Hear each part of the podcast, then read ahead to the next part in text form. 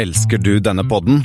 Gjennom Acasts nye supporterfunksjon kan du nå vise din støtte til podskaperne. Det er helt opp til deg hvor mye du ønsker å bidra med. Klikk på lenken i podbeskrivelsen for å støtte podkasten.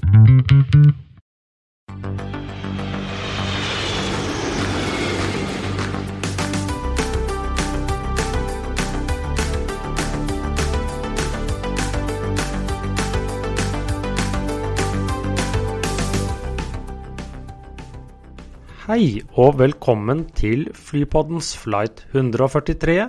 Det er tirsdag 2. februar, og vi er fortsatt i en slags lockdown. Og med meg, Espen Næss, har vi også Christian Kamhaug. I flight 143 er det jo helt naturlig å snakke om Air Canada. Flight 143, AC 143, bedre kjent som The Gimli Glider. Og det har ikke noe med Gimli i Ringenes herre å gjøre, Espen. Og er den ikke oppkalt etter flyplassen? Men da lærte jeg det. Eller omvendt. Ja. Eh, Men vi er da så heldige å få ta en prat med Rolf Liland denne gangen om eh, emnet og litt sånn seilflyvning med fly som ikke seiler. Ellers så skal vi innom konkurshjørnet, nye flyselskap og flyselskap som taper penger. Og produsenter, for den saks skyld. Men først har jeg noen pent linete opp flighter for deg, Christian. Eh, ok, ingen av de er Air Canada. Nei, jeg tror ikke den går fortsatt. Eller det sjekket jeg faktisk ikke. Eh, begynner jeg med AA 143 LAX til NH...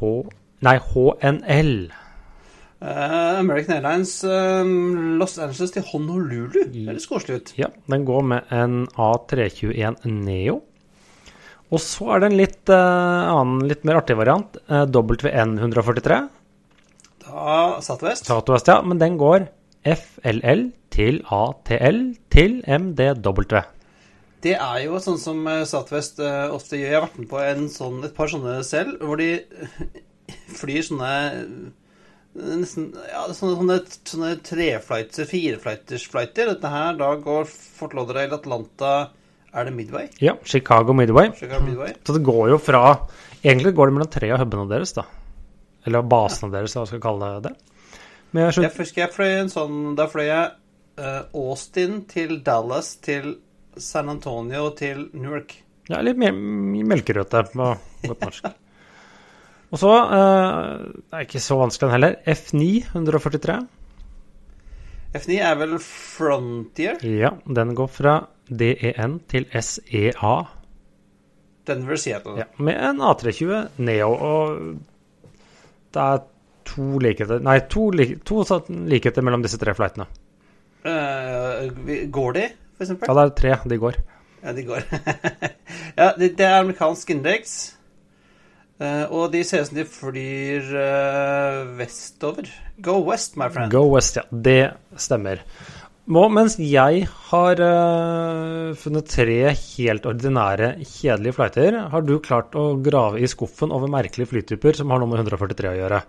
Ja, vi begynner med Bristol 143. Og Bristol er jo da typisk eh, engelsk-britisk. Og det er en sivil, eh, et sivilfly som ble satt fram på 30-tallet, som var en sivil versjon av eh, Bristol 142, som var et bombefly. En Blenheim, da, ble den kalt. Um, og den har åtte, åtte paks, to crew og ikke så store. Jeg er 13 meter lang. Og ganske, ganske lik eh, Hadde ganske mange Delte mange av delene med, med denne type 142, da, som ble Blendheim Bomber. Men ble det en suksess? Nei. Nei.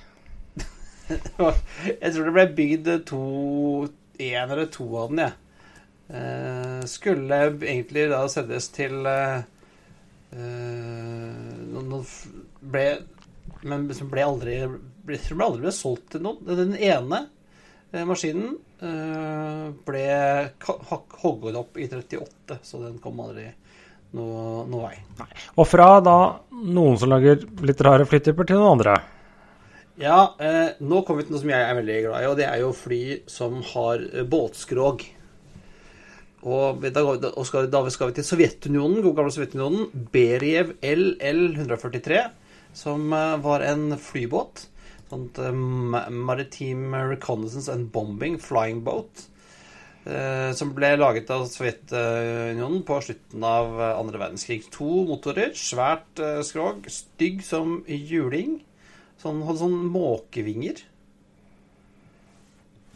Eh, var, ble heller ikke noen kjempesuksess. Den ble da bygd og ble liksom, La grunnlaget for Beriev BS6 i 1947, som eh, ble litt mer suksess. Som ble sånt, uh, også sånt overvåknings- og search and rescue-fly for uh, sovjetiske marinen. Ja, Det var det. det var det. ja. Uh, Men så har vi jo da, da en kjent, kall det ulykke. Det gikk jo i og for seg bra, som er da Air Canada AC143, kjent som da Gimli Glider. Og hvorfor har man, kaller man det et glidefly, Christian?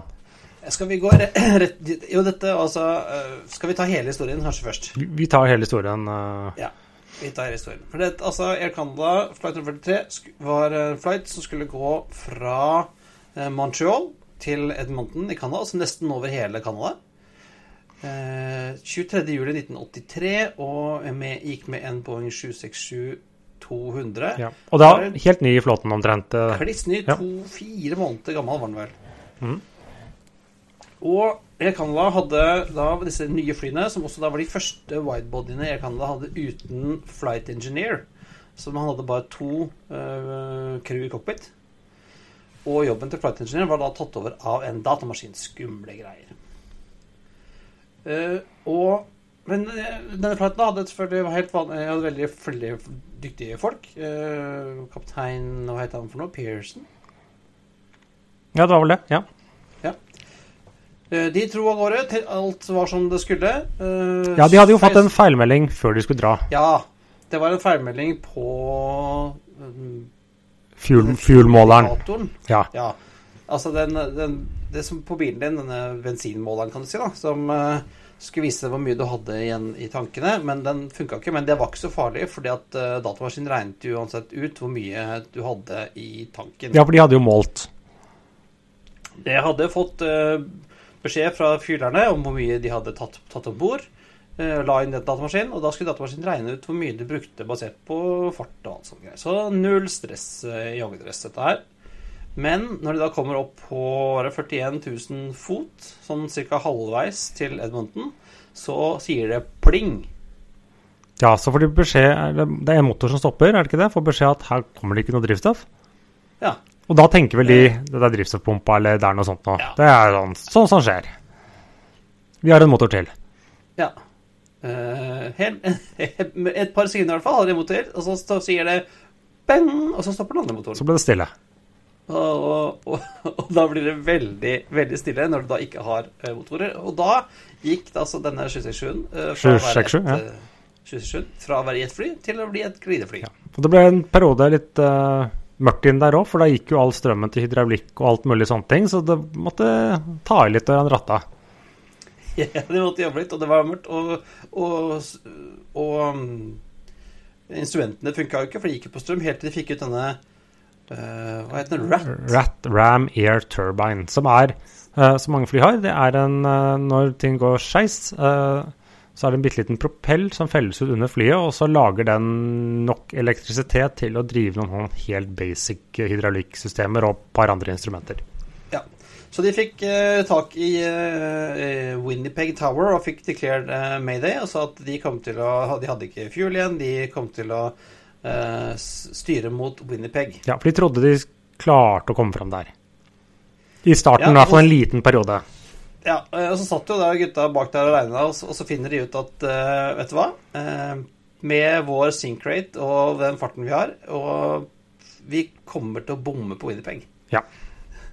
Men han jeg håper å si, Ikke pilot flying, men han andre piloten. Styrmann. Ja, styrmann. Quintal. Ja, han hadde gått på flyskole eller vært i den amerikanske, nei, amerikanske se, kanadiske flyvåpenet i sine gamle, gamle dager, og som da på en sånn flystripe utenfor Winnipeg.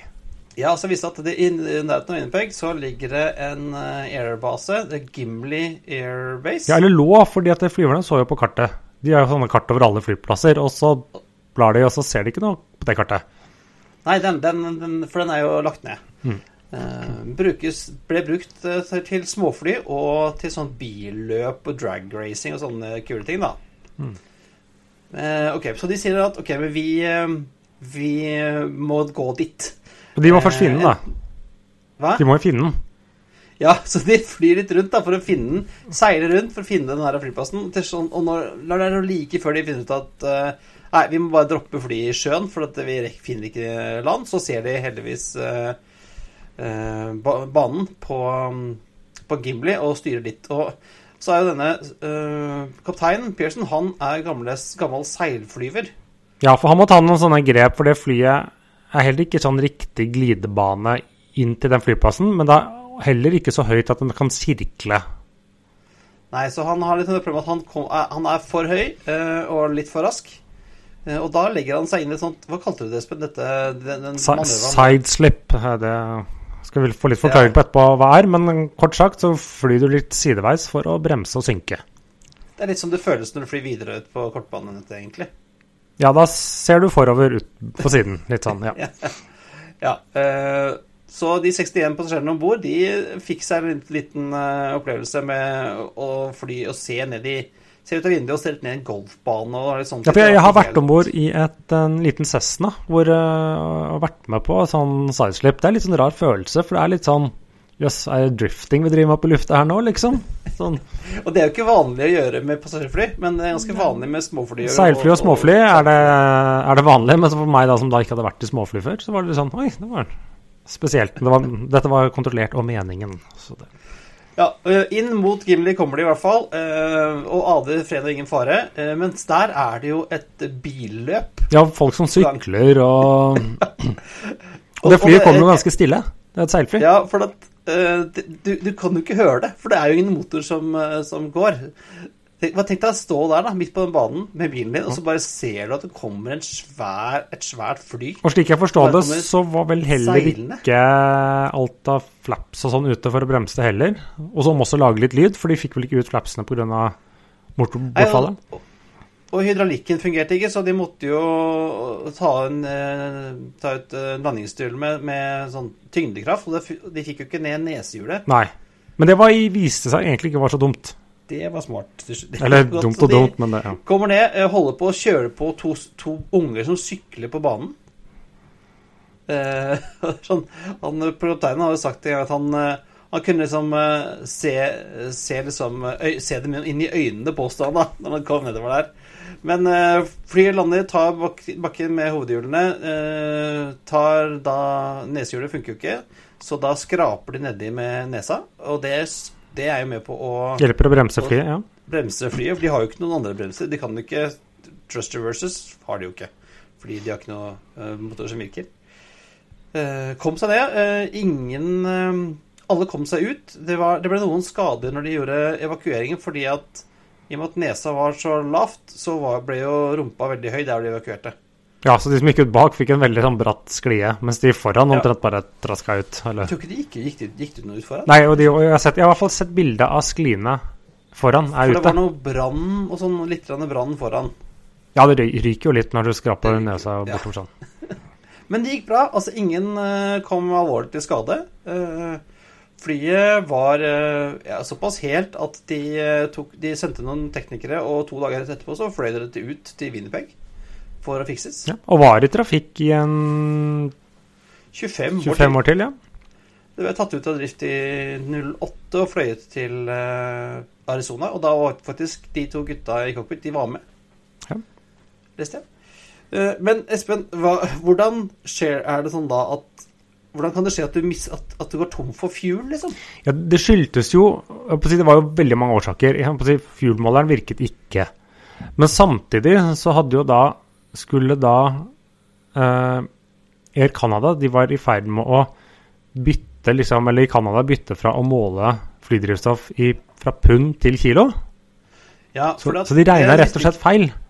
Ja, og så er det sånn at Jeg skjønte også så er det sånn at altså Flyene måler jo drivstoff i vekt, fordi at uh, det, er, noe med at drivstoffet ekspanderer og Det er det som er relevant for dem. Ja. Ja. ja. Mens, mens de som selger, de måler i, i volum. ja. Og så skulle de regne om de bestilte i Det ble bestilt fuel i pund og levert i kilo eller et eller annet sånt noe, sånn at de fikk egentlig halv mengde. Det er jo det som var kort. Ja, så, så hadde de noen sånne omregningsgreier og sånn, og så, men så var det, ble, fikk de det ikke helt til med at de skulle gå over fra Imperial til Metrics, og så skulle de regne om, og så ble det et eller annet feil. Så de endte opp med å fylle omtrent halvparten av det de skulle ha. Og det var ikke så, så lurt. Nei, de skulle vel ha Hvor mye var det de skulle ha? Dobbelt så mye. Ja, de skulle få Ja, så de øh, skulle ha 22 300 kilo og hadde ca. 10 000 kilo. Eh, Og da blir det tomt, da. Ja, det blir Men så er det jo vi, eh, vi kan en del om flybransjen, men vi kan ikke så mye om flyvning. Og vi kan i hvert fall ikke så mye om hvordan er det å seilfly store passasjerfly. eh, hvordan funker det, og hvorfor gikk det galt? Så da har vi vært eh, heldige. Ja, så vi har snakket med kaptein eh, Rolf Liland i eh, det skandinaviske flyveselskapet. Ja, skal vi egentlig bare høre Vi på? setter over til, eh, til Rolf eh, i Bodø. Ja, velkommen tilbake til flypodden, eh, Rolf Liland. Jo, takk. Eh, Du er jo en av de heldige som fremdeles flyr. Ja, eh, det kan man si. Det har vært eh, ganske travelt eh, program nå i høst. Men det er jo dessverre veldig mange kolleger som ikke har fått det. Ja. Så jeg så et fly på himmelen i går, og syntes jeg ikke helt hva, hva vi bruker sånne til. Ja, Det, det er ikke så veldig mye, holdt jeg på å si. Det er mye frakt om dagen, det skal sies. Ja. Men akkurat nå så er det jo lockdown, holdt jeg på å si, i de mest befolkede delene av Norge. Så det er veldig få som reiser både inn og ut. Jeg så at eh, Trøndelag skulle åpne ølkranen igjen. Det måtte selvfølgelig være Trøndelag, ikke noe andre sted. Men Ja. eh, det vi, skal snakke om, det, vi har jo snakket om eh, denne Gimli Glider, eh, Rolf. Og du som ratter skytterskjut til vanlig, har du eh, har, har du noen gang opp, du har, en- altså, har du noen gang opplevd at, at du har gått tom for fuel? Uh, I sommer så gikk jeg faktisk eh, tom for fuel i eh, Nesten tom for fuel i eh, en 700-800 fots høyde. Eh, Fueltanken gikk fra eh, god rekkevidde ned til null. Men eh, jeg klarte å skli ned eh, bakke syv kilometer og inn på nærmeste bensinstasjon. Men, eh, så det var, en, det var en Toyota på bilferie på Vestlandet. For å, eh, jeg lærte litt om rekkevidde og måleinstrumenter på japanske produkter. Så det var en lesson learned. Men ikke med fly, eh, forhåpentligvis. Eh, nei, det er ikke. Eh, Men, men du har kanskje Men, men, trent, trent på det? jeg har trent på det. Jeg har faktisk vært ute for et, eh, et par tilfeller i virkeligheten. Ikke med passasjerfly, men med, med militære fly, hvor fuel-indikasjonene har vært eh, sånn at det kunne tyde på at det var en kraftig lekkasje. Og hvor resten av turen da har foregått eh, som om den var i ferd med å gå tom på fuel, for å si det sånn. Med forberedelse til glidelanding og sånne ting. Men eh, for, det, det, er, det også, er dette noe dere øver på i simulator òg? Ja, det er faktisk det, eh, fra tid til annen. eh, Både som del av treningsprogrammet eh, for vår del da, i, i selskapet som jeg jobber for. Så jeg tror faktisk det var flyavdelingen som la det inn som et program utenom det som er minstekravet kan du si, til myndighetene. Og da hadde vi en ja, det var 737 avgang nordover fra Tromsø. og i en 5000 fots høyde så var det bom stopp på begge motorene uten mulighet for å starte på nytt igjen. Eh, og da øvde vi på to scenarioer. Det ene det var å, å ditche og lande rett frem, som eh, faktisk var det tryggeste. Eh, men også litt for øvelsens del og for, for å se hva som går og ikke går, og prøve å snu og komme tilbake igjen. Og det, var, det gikk, men det var en ganske heftig opplevelse og på en måte ingen måte gitt at man fikk det til. da. Um, Jeg var heldig jeg fikk det til, men brukte litt fallskjermteknikker og, og selvflyteknikker for å komme ned. Ja, for det hvordan, ja. hvordan blir liksom en En skyttersky fungerer jo fint når motorene går. Eh, hvordan er den som et seilfly, egentlig? Altså, han, han blir eh, Du kan si at alle fly som ikke er bygget som seilfly, de har jo glideegenskaper til murstein. Eh, Litt avhengig av hvor hardt du kaster den fremover. Så han, men når det er sagt, han flyr. Så hvis du etablerer en glidehastighet og sånn, så, så kan du rekke et eh, godt stykke fremover. Og da er det jo en funksjon av hvilken høyde du har, og hvor mange flyplasser du har i nærheten av deg, om eh, hvordan det resultatet vil kunne bli. Så har man den luksusen at det, at det er fint vær. og ja, ikke instrumentforhold, kan du si. Mange flyplasser, tett, uh, tette flyplasser. Uh, og at det kanskje er flat mark og sånt, det er ikke høye fjell og, og tilsvarende rundt der. Uh, så har man veldig mange muligheter, egentlig. Noen flyfabrikanter de har, de har prosedyrer for det, andre de har ikke prosedyrer for det. Nei, og Jeg hørte jo at Air Canada ha testa de faktisk og la inn alle parameterne til denne, denne her i simulatoren. og det var nesten ingen som klarte å komme ned trygt. Nei. Uh, nei, og, og, det er et eksempel da, på at det, det, er ikke så lett. Altså, Et fly kommer jo alltid ned. da. Det er jo det fine med luftfart. Det er derfor ubåter ikke har slått så veldig godt an som eh, massetransportmiddel. De kan alltid komme opp igjen. Men, uh, men uh, i forhold til dette med Gimli, da, det som er litt spesielt, er at det var en nedlagt flyplass.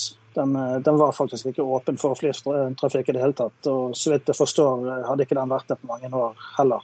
Men eh, den ene flygeren visste nøyaktig hvor den lå. Han hadde fløyet der, eh, gått flyskole, tror jeg. Og den andre flygeren han var en erfaren seilflyger. Sånn at eh, de fant både frem til flyplassen og klarte å komme seg ned dit på en fornuftig måte også. Ja, så, som vi var inne på når vi litt nevnte Gimli-glideren, var jo at da denne De gjorde noe som heter sideslip. Kan man forklare litt det for de som kanskje ikke er inne i det helt tekniske på flyvning? Ja, absolutt. Det, det, er noe som eh, seilflypiloter og eh, småflypiloter type Cessna og sånne ting er veldig vant til. Og det er rett og slett at du, du krysser rorene på den måten at du, du vrir balanseroret ene veien. Uh, og da vil jo flyet naturlig nok svinge den veien. Men for å kompensere det, så trykker du inn sideroret, altså med siderorspedalen motsatt vei. Så du på en måte krysser rorene i forhold til en vanlig sving. Eh, og Det gjør at flyet stiller seg litt på skrå, og så får det et eh, mye høyere synk ned mot, ned mot bakken og rullebane.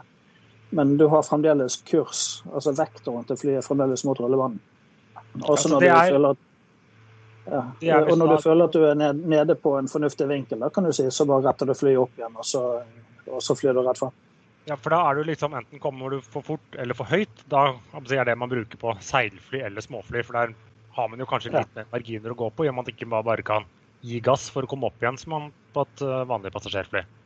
Nettopp. nettopp. Uh, og akkurat som det er viktig å ikke lande for kort før rullebanen, kan du si, så er det jo viktig å ikke lande for langt inn på rullebanen, eller i verste fall fly over rullebanen før du kommer ned.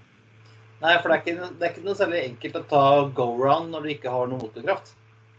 Nei, da må det være veldig stor hastighet i hvert fall. Eh, seilfly de kan fort gjøre det hvis de har god speed, men en, eh, et motorfly, og spesielt et passasjerfly som er ment å motor, de vil slite kraftig med det. Så er det sånn, Denne, denne hendelsen da, og et par andre også beskriver, sånn, den, det eh, beviser jo det at, at, det å fly er et, er et håndverk. Altså, det at nesten ingen andre klarte å komme ned selv om de visste hvordan de skulle gjøre det, Eh, gir jo både han kapteinen ganske gode eh, Hans håndverk får jo veldig høy eh, altså, tommel opp, da, kan du si. Ja, det kan du si.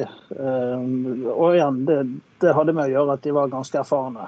De hadde god høyde, det skal si, så de hadde tid til å områ seg og tenke over dette. her på. Og så hadde de lokalkunnskap, som også er viktig. Men dette med at man faktisk kan fly, at man har det litt i ryggmargen, og at man er i stand til, uansett hvor komplekst flymaskinen måtte være, at man kan dette tilbake igjen på de helt mest grunnleggende prinsippene, eh, er utrolig viktig.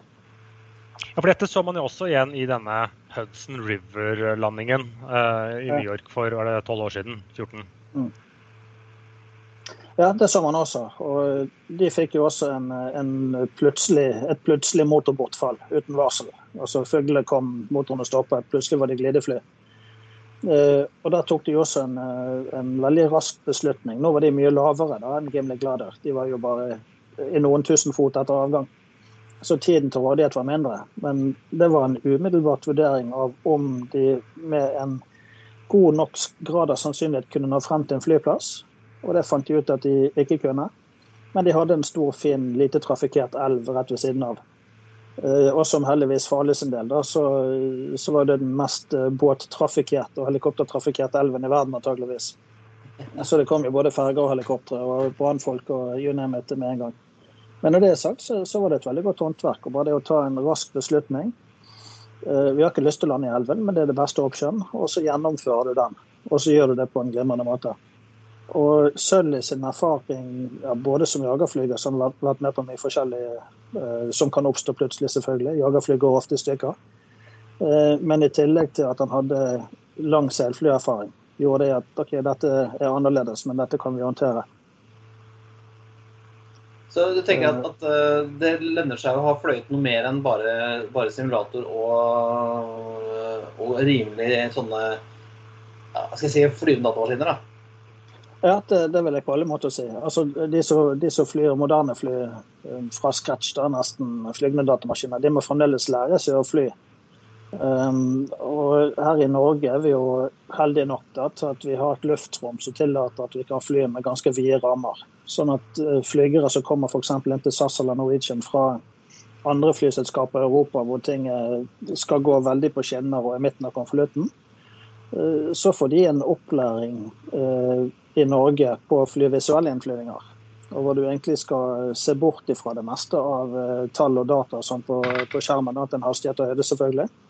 Uh, og så gjøre egne vurderinger av å, å, komme inn til rullebanen på en, en, god og effektiv måte. Men sideslip er fortsatt ikke en uh, godkjent manøver i 737 hvis du er litt høyt? nei, ikke, ikke, til vanlig. Da, da, har vi litt andre metoder, for å si det sånn. men igjen, også er det krise og sånne ting, så må du ta alle verktøyene du har. Ja. Og jo mer erfaring du har fra før, jo flere verktøy har du også med deg i kassen. Og så var det én ting som jeg lurte på, uh, som jeg i forbindelse med saken her, hvor, hvor eh, noe av årsaken var at man hadde feilberegnet hvor mye fuel man tok på. Er det mm. sånn at man måler fuel i, uh, altså i vekt og ikke i volum? Ja, det, det, må, ja, det måles i vekt. Det er helt uh, korrekt. og i tillegg så har jo vekten, altså fuel har forskjellige um, et forskjellig forhold, en tetthet, da kan du si, avhengig av om fuel er varm eller mm. kald. Uh, antall liter og antall kilo. Det vil ikke alltid samsvare uh, ut ifra en standardmål. Uh, men da er standarden at man måler det i vekt. og det går på at det har med flyets maksimale avgangsvekter og landingsvekter å gjøre. Og så vil også drivstofforbruket regnes i vekt eller masse da, per time istedenfor liter per time. Nei, og det er jo sånn, et sånn typisk eksempel på en sånn sak hvor, som hver av Det skjedde ganske mange forskjellige ting. Det var denne feil, at pumpen ikke virket, og det var overgangen til metrisk, og det var masse forskjellig. Men sånn, hver av en av disse tingene hadde jo ikke skapt noe problem alene. Men det var sånn alle disse kom sammen, at det skapte et problem. Det, det, det, er jo, det, er jo, et helt klassisk eksempel på det vi kaller uh, dominobrikketeorien, kan du si, eller osteskiveteorien i luftfart. James Reason sin psykologiske modell om eh, barrierer. Uh, og på en måte den, den, ene barrieren etter den andre som skal forhindre et uhell eller en ulykke, den nappes opp fordi at det gjøres feil, eller det er dårlige prosedyrer, eller det er misforståtte, misforståtte beskjeder fra ledelsen eller fra teknisk side. da. Uh, også dette med, med, at de hadde noen fly som gikk i liter, og noen fly som, eller i pønn, og noen som gikk i skip. Så det var en hel haug med ting som det i ettertid er helt innlysende at var uheldige faktorer, men som hver for seg kanskje ikke var katastrofale. Men når de da kom på rekke og rad. Uh, og til slutt virket ikke systemet på det flyet, så de måtte ta med sånn manuell uh, dipsticking i tillegg. Så ja. Og da var det pilot så, så var den siste, den siste dommerbrikken som ikke falt. Fordi at de klarte å håndtere den situasjonen som var oppstått pga. alt som hadde gått feil tidligere. Ja, så Det var jo flaks at du hadde da noen som var ekstremt dyktige på faktisk å, å fly, da, så håndverk i flyvning. Og, og, du har jo vært inne i Gimli-glideren, Rolf? Ja, eh, tilfeldigvis, holdt jeg på å si. Jeg var på et møte i, i um, noe som het JDA sitt Future Aviation Safety Team. Vi hadde et møte på Bombardierfabrikken borte i Canada. Og som en del av, eh, av, opplegget der, så var vi og besøkte maintenance-basen til eh, Air Canada. Og kom inn i en 767, og så sier inni inne i cockpit da, så sier en av canadierne ja, dette er jo den, den berømte 767-en. Og nå vet jo jeg bare om en eneste berømt canadisk 767, og det hvis det så var rett. da. Det, det var Gimli glad i. Ja, den burde stått på et museum, men har den blitt nøkkelringer, ifølge Espen? Ja, eller noe sånt. da. Jeg leste faktisk eh, litt på nettet før dette her, at den, eh, den er visst blitt til 20 000 nøkkelringer. ja, da er det noen som uh, fremdeles kan ha den gård med Gimli-glideren i lomma. Men Rolf, tusen takk for at du tok deg tid til å bli med på Flypodden igjen. Ja, bare hyggelig. Og solen skinner i Bodø. Ja da, her eh, skinner solen. Den er vel eh, i ferd med å gå ned bak, eh, bak fjellet her, men eh, det er jo ganske vakkert eh, når den gjør det også. Tusen takk. Bare hyggelig. Ha det bra. Takk. Ja, Lærte du noe nytt, Espen? Jeg lærte noe nytt, og håper lytterne gjorde det også. Alltid interessant å prate med noen som kan det litt bedre enn oss, som egentlig bare sitter og, synser og snakker om børskurser. ja. ja, det var interessant. Eh, Vi har en, eh, en anbefaling rundt dette som vi kommer tilbake til. Men Espen, eh, vi skal vel eh, gå rett opp i eh, de siste nyhetene inn i bransjen også. Skal vi kommentere litt på det òg? Vi går rett til maks. Rett til maks. Flott, dette snakket vi om forrige uke også. Men rett etter at vi da sendte ut forrige episode, så kom både EASA og engelsk, britiske CAA ut med sine godkjenninger av uh, Skyttersen Max. Ja, og det var, det var fint, for nå kan alle de europeiske flyselskapene begynne å fly maks nå i morgen. For det, de trenger disse flyene. Ja, det er bra, for det venta på lenge. Nå er det bare å kjøre. Jeg har ikke sett noen i lufta ennå, har du det? Nei, jeg tror også gjenstår noen, det er noen ting som må fikses og ordnes med alle flyene. Det er det. Har, men så har du da Norwegian. De vil jo ikke ha dem eller bruke dem. Ikke at de flyr så mye heller.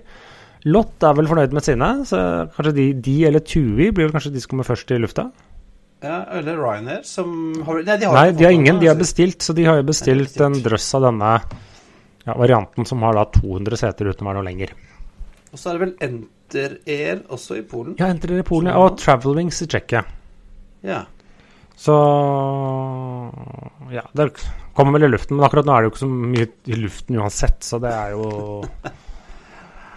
eh, et, et sett. Men um, vi var jo inne på TUI og litt charter.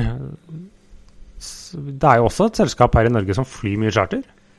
Ja, eh, SAS Ja. flyr jo faktisk ganske mye charter, og har fløyet mye charter for eh, Apollo de siste årene. Og eh, low and behold, jammen kommer de ikke ut med en ny eh, avtale i år igjen.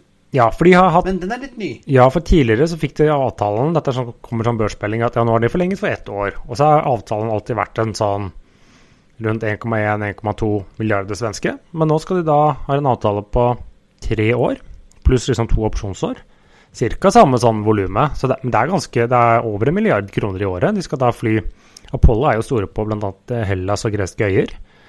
Uh, de flyr vel sånne 50 forskjellige ruter ned, dem, uh, ned dit. Uh, men ja, da jeg ser de skal fly fra 24 steder i Norge, Sverige, Danmark Ja. til 51 destinasjoner i Europa. Det var det. Sånn at, og det er jo en eh, stor og viktig kontrakt, og god måte å holde flyene i drift i for da SAS, som da har tradisjonelt hatt et stor andel forretningsruter, som da bortfaller i sommerferien. Og da er det jo kjempefint å ha Apollo å kunne fly for. Ja, og så det er jo da Apollos eh, hovedpartner på Slik det alltid har vært, men nå får de da fått tre år. Så det gjør jo at det mm, kanskje er enklere å planlegge litt. da. Du har en litt sånn langsiktighet i hva du driver med, gitt det ikke kommer en pandemi. Eller askesky. Eller et eller annet Eller et eller annet. Ja, nei, det, vi får eh, satse på at vi snart skal flytte til Syden igjen, Espen. Det blir vel eh, kun eh, gamlingene som har fått, fått vaksina si, som får reist, da. Men mens andre da kan planlegge for tre år, er det jo noen som planlegger fra dag til dag. Ja, vi, våre, våre venner Skal vi si, kan, vi si det, kan vi si det, Espen? Nei, kanskje ikke si det. Nei, vi, vi, kaller dem ingenting, vi. Eller Ja, nei, altså Wizz Air eh, lanserte jo med brask og bram for en stund siden eh, ikke mindre enn to baser i Norge. eh, Oslo og um, Trondheim. Og etter tre måneder så har de bestemt seg for å legge ned basen i Trondheim. Ja, men hva Er det en base, eller er det ikke en base? Det er vel det store spørsmålet. I, i praksis så var det sånn ett fly som var stasjonert der. Så er det jo en litt åpen diskusjon om mannskapet var stasjonert der eller ikke, eller om de egentlig var stasjonert uh, nede i Krakow. uh, eller hvordan det var. Uh, men de har i hvert fall sagt at de vil si, legge ned skal kalle det det, Trondheimsbasen, men vil bare operere de samme rutene ut fra Oslo. Men akkurat nå så Ja. har jo Wizz Nei, jo Wizz også et ganske begrenset program. Eh, det vil si, planen var jo liksom å ha fire fly og fly en hel rekke ruter, men det er jo nå at de flyr Jeg har sett litt på Flightradar 24 og Avinor sine sider at de har ganske mange avganger på fredager og søndager. Men på hver tirsdag nå har de ikke fløyet en eneste flight. Det var gjaldt eh, i dag, det gjaldt forrige tirsdag osv. Så, videre, så det er jo litt sånn begrenset hva de også flyr nå. Ja, det er vel begrensa etterspørsel også, men eh, jeg så jo det var noen som var ute og sa å ja, ja hu- hurra, nå forsvinner de fæle, fæle østeuropeerne. Men de, er, altså, de, de flytter jo bare den personen ned til Oslo, så det er jo den samme altså På planlagt i hvert fall samme rute, rutetilbudet. Ja, sånn ish. Et rutetilbud som forandrer seg fra dag til dag, føler jeg, eller på uke til uke. Ja, altså, det ser ut som de biter seg fast, da. Eh, Josef Varadi og Ingen de er sikkert som de skal gi seg. Men det er jo måten som de opererer på. er jo De er fort inn, og så eventuelt fort ut hvis det ikke funker. Ja, det viser jo det at de, de, disse forsvinner raskt hvis de ikke gir dem det resultatet som de, de ønsker. Ja, så vi får se. Vi kommer til å være så Jeg eh, har funnet ut, Espen, at i dag er det hva er det, eh, 89 dager siden sist jeg var på et fly. Og det var det samme for deg. Ja, vi var vel på samme fly, så det, ja. Ja, da fløy vi jo både SAS og Ovis. Så ja, det er en stund siden sist.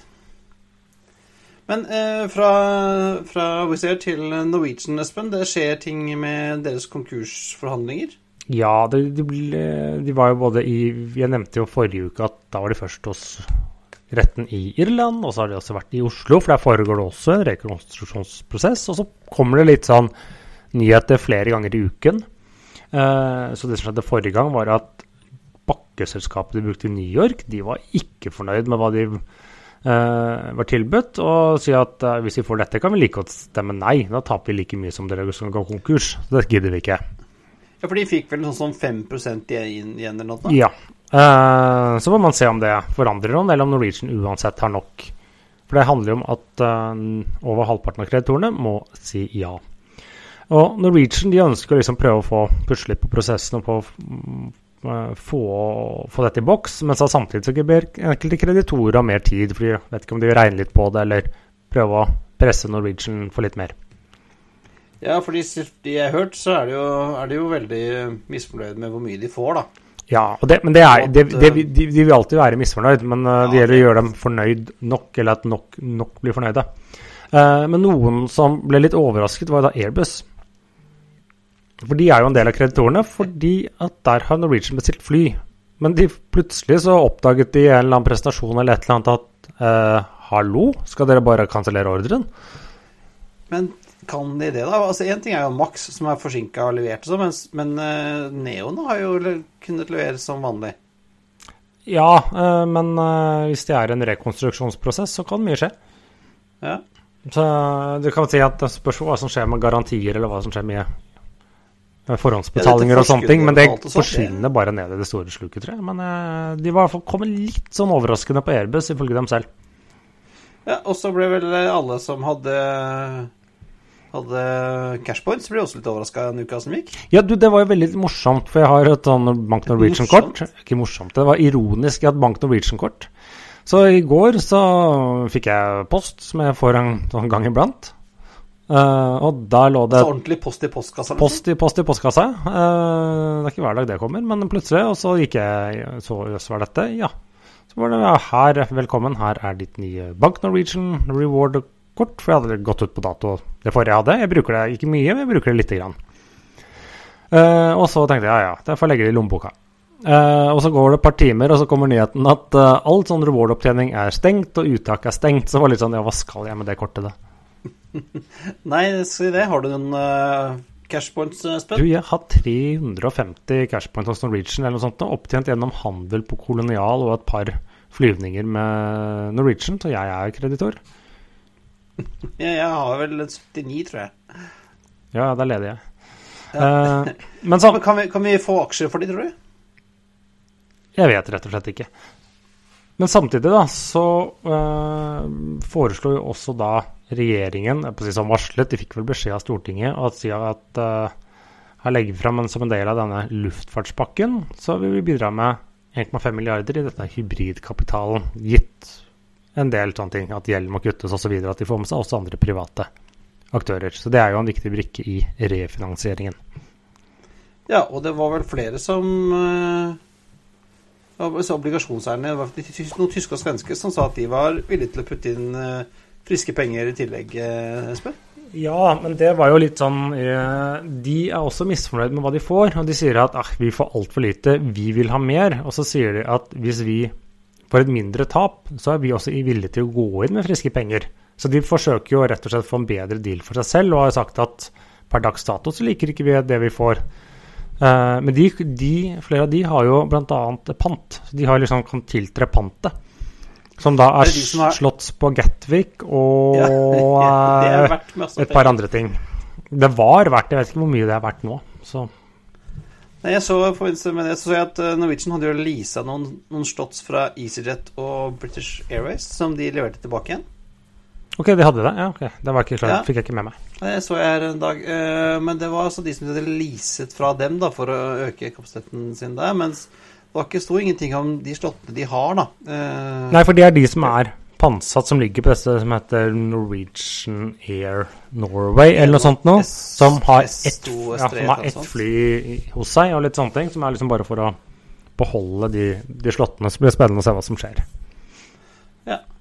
Og mens Norwegian har jo hatt uh, underskudd mesteparten av sin levetid, så kan vi gå til USA, et selskap vi var innom før i dag, som har gått med overskudd i 47 år. Ja. Siden 1972. Ja, det er da Southwest som kan presentere sitt første tap. Og da, da snakker vi om et selskap som har tjent penger gjennom 9-11, gjennom finanskrisen, gjennom Gulfkrigen. Det var ikke masse nedturer på 80-tallet og alt videre sånn? Regulation på 80-tallet og alt mulig. Altså, de har uh, aldri før uh, levert et uh, helårstap. men når først Southwest taper, så er det selvfølgelig i 2020. Og da vet du at da er bransjen i møkka, Espen. Ja, så de tapte da 3 milliarder dollar i 2020, som er veldig masse penger. Men samtidig så er det jo veldig mye bedre enn eh, de andre flyselskapene. Var det vel American og Delta som omtrent kom til oss med noe tall. De tapte vel rundt sånn 8-9-10 milliarder dollar. Ja. Det hadde da et overskudd innen 2019 på 2,3 milliarder dollar. Ja. Mens eh, de som lager fly, taper jo også penger. Så Boeing tapte jo nesten, nesten 12 milliarder dollar i 2020. Ja, det skulle en tro at det var enda mer, men uh... Ja, eller nå begynte de å levere litt uh, makser igjen, da. Men det som var mye her, er at de over halvparten, 6,5 milliard dollar, tar de tap på dette 777X-programmet.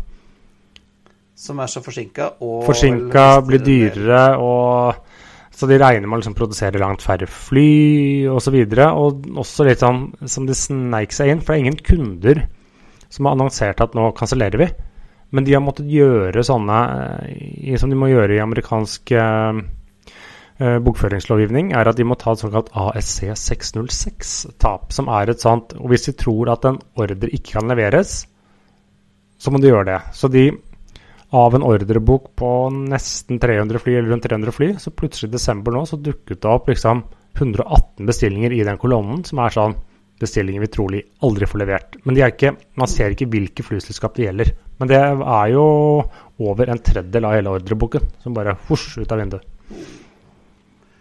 Jeg vil uh, huske Hvem som har kjøpt uh, Triple 7X? Etihad, Qatai Etihad, Qatai Emirates Emirates er jo den store kunden som har sånn halv av ordreboken. Ja. Qatar. Ryktene Lufthansa har, British Airways, Singapore ja. Airlines, ANA. Eh, ryktene er at det er blant at dette er Qatar sine ordre, Etiad sine ordre, og at Emirates forsøker å redusere sin. Det er for det ryktene sier, men uh, hvem som faktisk uh, de har tatt liksom en kansellering på her, det vites ikke. Nei, men det er liksom ikke sånn at uh, folk står i kø for å kjøpe seg nye fly om dagen? Nei, det vil helst ikke Det er mer motsatt. og mens vi sa at Southwest hadde et ganske stort tap på 3 milliarder, så er jo det småtteri mot uh, våre gamle venner i Kina. I HNA Group og Hainan Airlines. Ja, de, de eier jo Hainan Airlines, mange andre. De har jo slitt lenge og hatt altfor mye gjeld. Tapte 85 milliarder kroner i 2020, og har nå liksom er... Det er ganske Det er imponerende, syns jeg. Ja. Så de har nå uh, søkt om uh, konkursbeskyttelse og reorganisering i Kina. Aner ikke hvordan kinesisk lovgivning fungerer det. Jeg vet bare at kinesiske flyselskaper har en tendens til å ikke gå konkurs. De blir da en, si likvidert og sånne ting. De blir da enten tatt over, eller så kommer noen lokale myndigheter inn, eller nasjonale, eller For du taper jo fint mye ansikt hvis du går konkurs. Så det pleier ikke å skje der. Nei. Og jeg var inne og kikka litt på Hainan, eh, eller Hainan og gjengen. For at det er jo en enormt mange selskaper i den, eh, i den Ja, det er ikke bare flyselskap. Det er, ja, det er hoteller, og det er catering og vedlikehold, er det vel. Bakketjenester og mye annet eiendom. Det er vel mye rart de driver med. De eier, altså jeg har de har 14 flyselskaper med til sammen 900 fly Mm. i Hainan. Så det er ganske Og, men mange av dem eier de delvis, og så eier de liksom en del selskap sammen med da, et eller annet sånt regionalt selvstyre, eller ikke selvstyre, regional myndighet i Kina f.eks. I en eller annen provins som hadde lyst på sitt halve flyselskap eller hele. Ja, der eh, penger, kommer til å renne godt ut av, eh, av Hainan, i hvert fall. Og mens de går konk og aldri blir borte, så er det nye selskap på gang. Espen, du har hatt en liten sånn eh, liten runde på nye selskaper uka som gikk. Ja, jeg hadde jo nevnt noe for, Forrige gang var vi, eller gangen før, var det i Armenia. Nå skal vi først til Canada. Med trekk, TREQ, som da eh, er noen eh, fransk-canadiere, det ser borti Quebec, som er, var litt misfornøyd med at Air Canada hadde lagt ned en del ruter, så de er i ferd med å skaffe seg noen Q400 selv, og skal drive og fly fra Quebec City og Montreal til sånne eh, steder rundt omkring som er vanskelig å uttale i Quebec. Ja, også det er et, De kaller seg et kooperativ? Et Ja, for de skal ikke være De skal rett og slett være Coop-en din. Så du kan kjøpe en andel eller bli med en andel. Uh, så det er sånn medlemskapsgreie. Uh, hvordan de da skal finansiere det utover det, eller hvor mange de klarer å få inn, ikke spør meg. Nei, uh, jeg prøvde å se Du kan da kjøpe en social share til 10 kanadiske dollar. Ja, jeg tror det blir Men ikke vi, da, for det må være kanadisk eh, Du må være Canadian citizen. Mm. Så der røyk den investeringen, Espen, i Truck. Men eh, Q400 ser morsom eh, fint, fint design på de også. Syns det ble ålreit. Ja, og så skal vi tilbake til da Vi har jo snakket om dette tidligere, at United sin tidligere CFO, David Levy, er den het? Var det ikke det? David Levy? Ja. Eller Dave Levy, jeg husker ikke. Eh, han eh, har jo sagt at han skulle starte et low cost eh, carrier-selskap. Tidligere trodde man kanskje skulle hete Extra Airways, men det skyldtes at de kjøpte opp en AOC, så de slapp å bruke penger på å lage den selv. Men de har ennå ikke presentert ruter. Men de har sagt nå at vi skal fly med 737-800, så de har allerede skaffet seg et fly for å ja, vise at de faktisk mener alvor. Og nå ble navnet klart, så det skal da hete Avelo Air. Eller Avelo Airlines, jeg er litt usikker på, men i hvert fall Avelo. Det er ingen som helt vet hvor de skal fly, men eh, ryktene sier at eh, Houston er i hvert fall en by som skal være på kartet. ja. Og Avelo eh, betyr vel med sykkel på fransk, gjør det ikke det? Avelo. Ja, sånn, ja, hvem vet hva det betyr? eh, kanskje betyr noe et eller annet på latinsk eller et eller annet, men de har laget logo, fått en hjemmeside. Aveloair.com legger selvsagt ut en link, så kan folk bedømme logoen slik de Ja, måtte ønske. Og vi avslutter eh, nyhetsrunden med våre gamle venner i Air Belgium, Espen. Ja, for de ble Vi var innom den forrige gang. Ja, og da ble det jo nettopp si, satt på bakken. Dvs. Si Belgia stengte ned. Så de sa at da er det ikke noen vits at vi flyr, så da står vi på bakken til vi kommer igjen tilbake senere i vinter eller til våren. Eh, men samtidig er de De ser muligheter. Eh, ikke, ikke denne kortsiktige liksom, fraktraten som jeg har sett nå gå inn i frakt, men de ser på mer langsiktig. Så de ser at vi ønsker oss ordentlige fraktere. Så de har sagt at de skal få fire rene fraktefly. Ryktene sier det er fire A330-200 som Qatar kvitter seg med. De skal først få dem om et år og basere dem i Liège, som er jo en sånn liten cargo hub.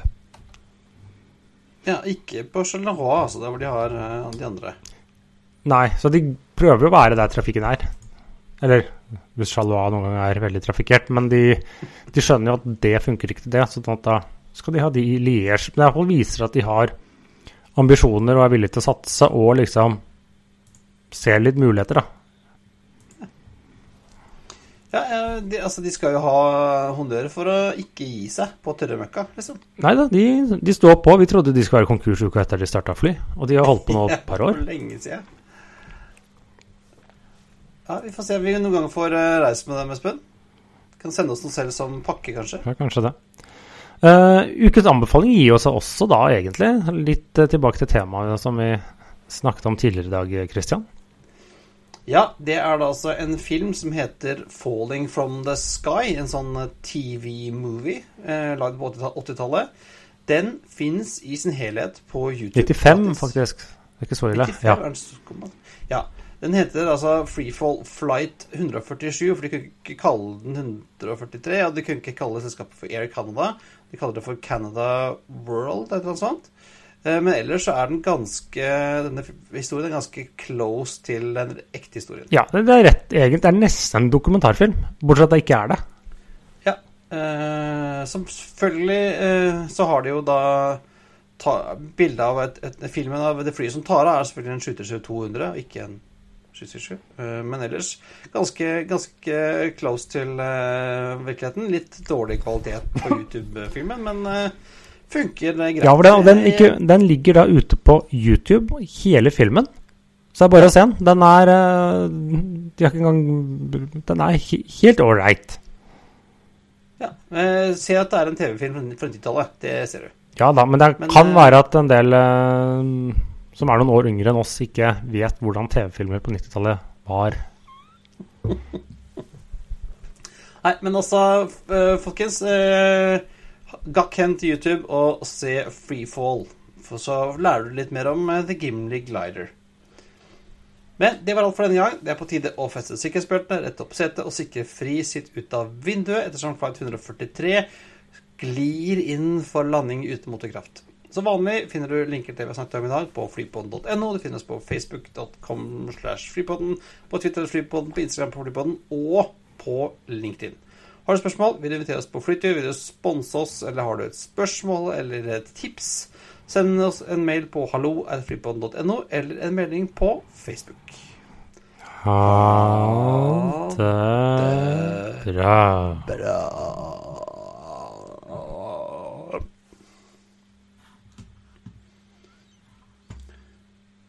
We thank you for flying with us today. We truly appreciate your business and look forward to serving you on a future flight.